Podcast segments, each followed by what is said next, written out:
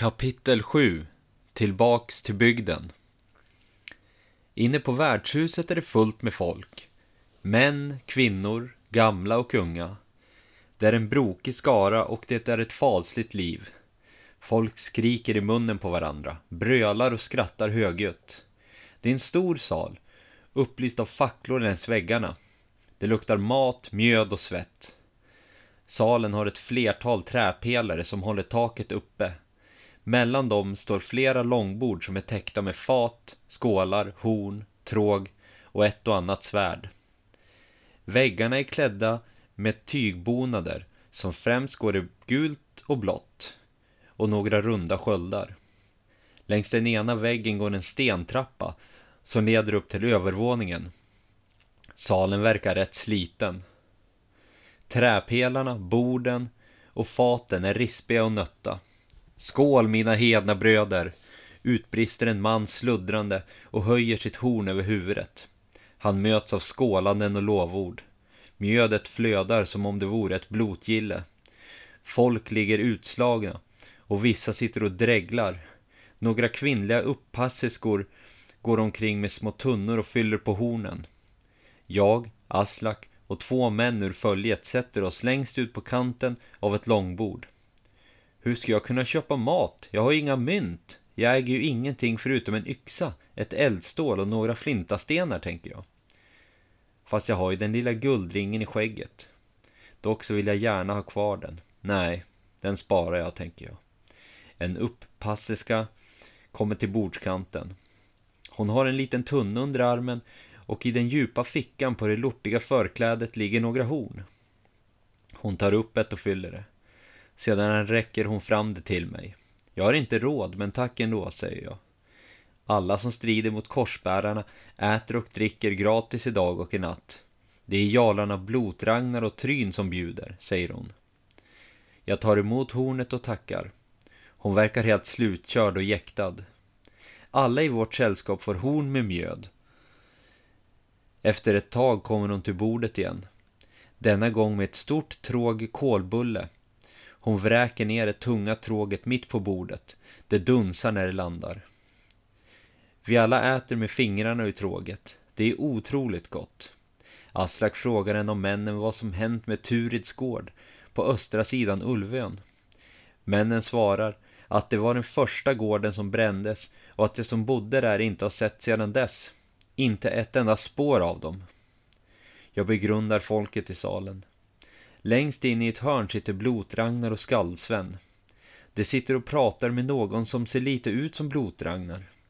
Det ser ut att vara en riktig storman.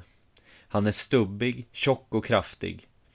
Klädd i en ringbrynja och en mantel av vargskinn. Han har brunt skägg i en stor och bred fläta som hänger ner över bröstet. Skäggets ände är hoplindad med en läderrem. Vem är det? frågar jag och pekar mot mannen. En av männen vid vårt bord vänder sig om för att titta. Det är Jarl Tryn, Jarl över landet norr om Ulvön, svarar mannen. Blotragnars fosterbror. Det är lika nog att kunna vara blodsbröder, tänker jag. De måste fått riktigt med mat under uppväxten. Männen vid vårt bord vänder sig tillbaka. Det är bara att äta och dricka allt vad ni kan. Vi kommer med största sannolikhet att tillbringa natten här. För att imorgon färdas vidare, säger han. Andra våningen är till för övernattande gäster. Det finns även kvinnor där, för ett bra pris, säger en redlös och dräggig man vid samma bord och skrattar. Vi dricker oss berusade och äter oss mätta. Efter ett tag kommer Skaldsven till bordet och tittar på mig med sina stirriga ögon. Blotragnar önskar din närvaro och sällskap. Kanske jalarna vill nyttja din vishet och klokskap, säger han. Ja, visst, svarar jag förundrat. Jag går från bordet och går fram till hörnet av salen där jalarna sitter. Skaldsven följer efter. Blotragnar presenterar sin fosterbror Jarl Tryn. Bordet framför dem är fullt av tomma fat och tomma tråg. Jag står vid bordskanten. Jaså, du kommer österifrån? frågar Tryn mig. Jag nickar. Och du vill att vi ska hjälpa dig med korsbärarna i din bygd, fortsätter han. Min bygd hölls i skräck av 50 korsbärare. De har redan mördat folk och skändat gudarna, säger jag allvarligt. Jag har ingen aning om vem du är. Jag bryr mig inte heller. Men min fasta åsikt är att korsbärarna måste stoppas, säger han uppjagat. Då så, käre bror. Vi gör som du säger, säger han till Blotragnar. Blotragnar vänder sin blick mot mig. Vi ska marschera mot Fröberga. Men vi har bestämt oss för att ta en liten omväg förbi din bygd först. Efter det får dock du och din vän följa med oss söderut till kungen i Fröberga och slutföra det här. Vi behöver alla händer vi kan få, säger han. Jag blir fullständigt upprymd. Nu ska korsbärarna rensas ut, tänker jag. Tryn kommer att ge oss 30 man. Då blir vi några filéer en femto. Ett värdigt följe, fortsätter han.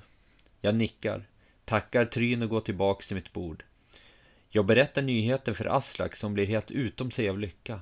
Nu ska vi dricka som Tor, utbrister han. Vi dricker horn efter horn. Som vanligt när det är fest så tar mjödet ut sin rätt. En efter en tuppar folket av. Det är betydligt lugnare och tystare här inne nu. Jalarna, Skaldsven och några män går till övervåningen tillsammans med några uppassiskor. Jag tittar ut genom utgången, det välvda hålet och ser att solen håller på att gå ner där ute. Det har varit två nätter i rad av lite sömn. Jag bestämmer mig för att sova. Jag rensar bordet framför mig från fat, horn och annat. Sedan lägger jag armarna i kors på bordet och lutar mig framåt och somnar. En efterlängtad sömn. Nästa morgon vaknar jag på samma sätt som jag somnade. Framåtlutad över bordet. De flesta är redan vakna. Solen skiner utanför utgången. Jag måste ha sovit djupt, tänker jag. En skål havregrynsgröt med en stor klick smör och en stor klick honung ställs ner framför mig och en uppasserska som står vid bordskanten räcker mig en träslev. Den är välanvänd och alldeles svart i träet. Gröten är varm och luktar gott. Jag slevar i mig. Blotragnar kommer ner för stentrappan från övervåningen och klappar sin tjocka buk. Se nu till att bli ordentligt mätta, kvinnor och män. Snart ska vi påbörja vår färd, utbrister han. Jag äter upp det sista av min gröt. Alla gör sig i ordning och går ut. Utanför samlas följet. Ungefär 50 stycken, varav ett tiotal kvinnor. 30 av Tryns krigare, men Jalen själv följer inte med. Även ett tiotal hästar görs redo. Förnödenheter som havregryn och bröd lastas i säckar. Svärd stoppas i slidor och pilbågar hängs över axlar. Marschen påbörjas. Vi går sydöst. Det finns ingen stig i denna riktning, bara skog. Det är en dag och en natts vandring till bygden. Vi går hela dagen. Endast ett fåtal korta raster. Solen skiner hela tiden. Till slut kommer vi fram till en mindre sjö i skogen. Blotragnar, som rider längst fram i följet, höjer sin högra hand. Vi gör läger här för natten, utropar han. Jag sätter mig ner och lutar ryggen mot ett träd, lägger ner yxan på marken och pustar ut. Det märks att många i följet har varit i fält förut. Det sätter genast igång med allt möjligt. Några går iväg för att samla torra grenar och kvistar för att elda med. Ett tiotal börjar att fiska i sjön med sina spön. Och några andra smyger iväg ut i skogen med sina pilbågar för att jaga. Hästarna får mat och vatten. Jag måste nog hjälpa till. Man kan inte bara sitta här och lata sig, tänker jag. Aslak ser skyldig ut. Han tänker nog samma sak.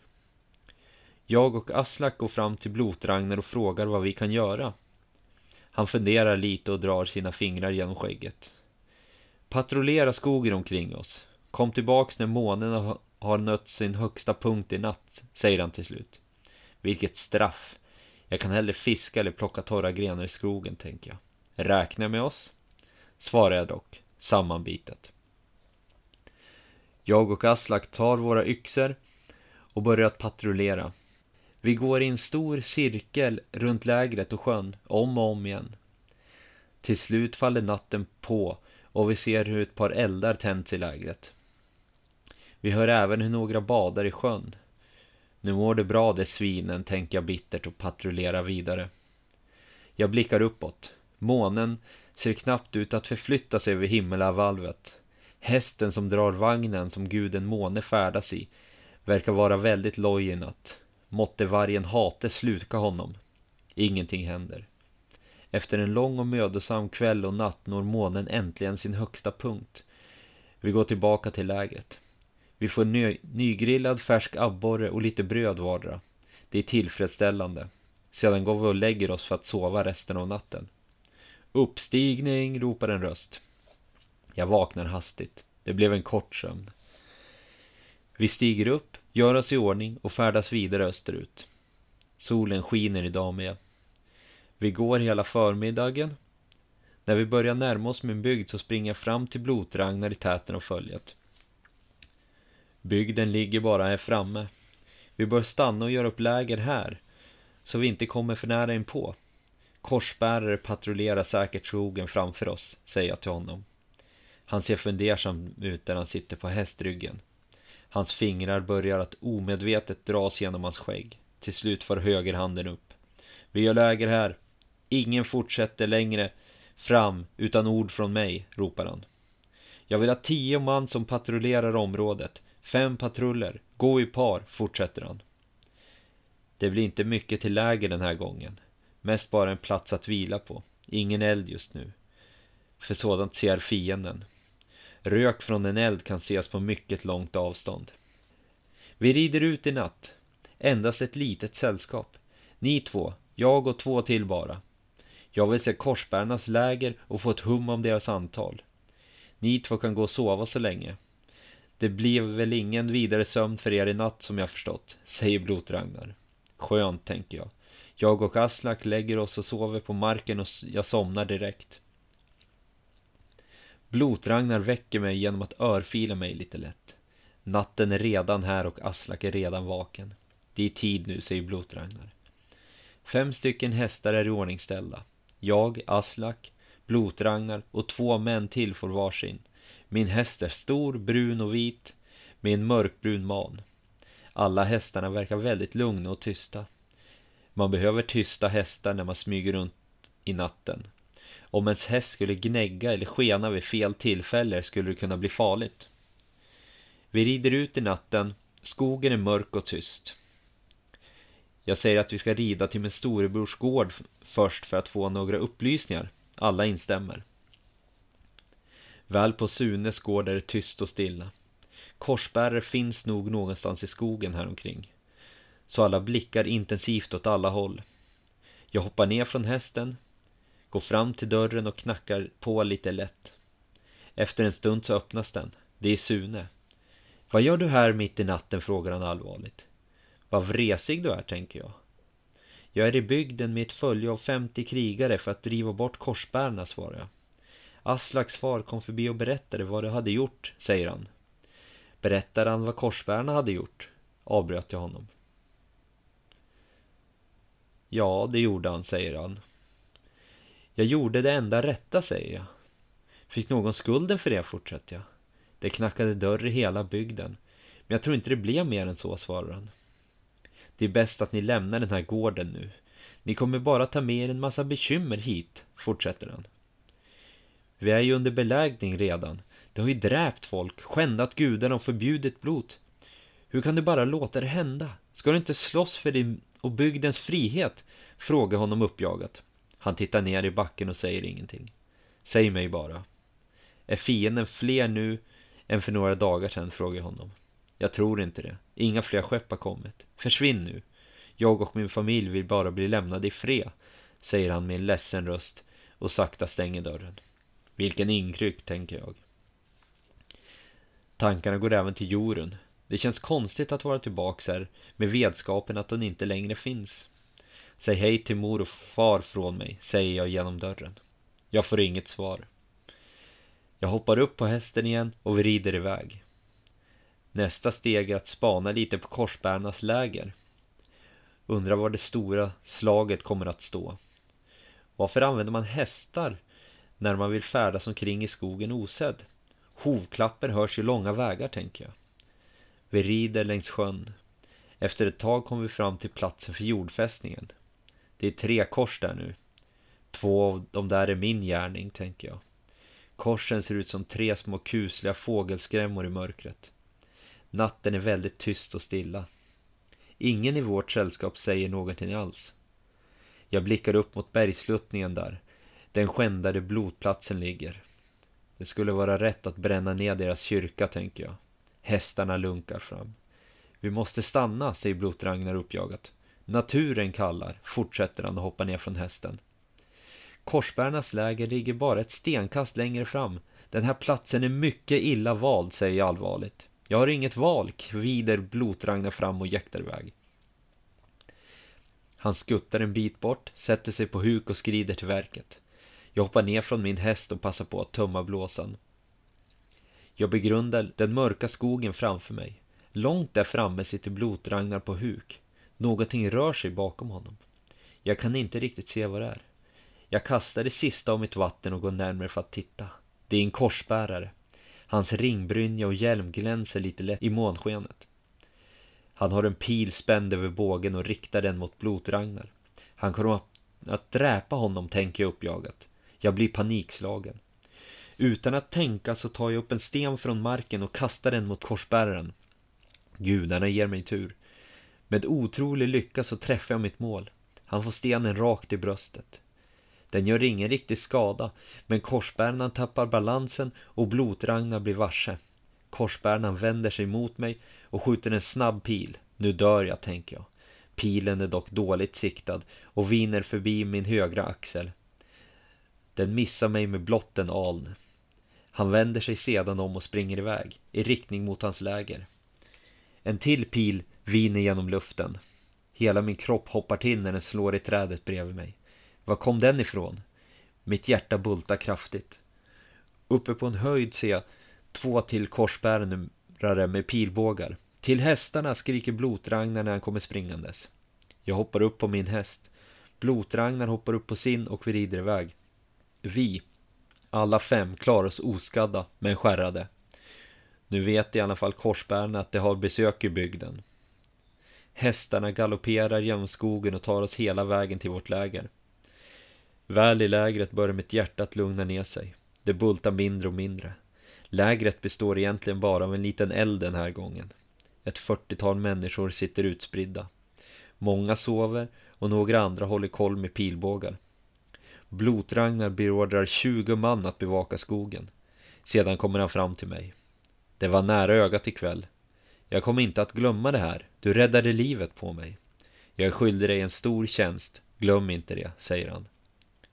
Gudarna vet. Det är en stor dag imorgon. Se till att sova ordentligt av det som är kvar av natten, fortsätter han. Jag och Aslak lägger oss på marken. Lägret känns tryggt.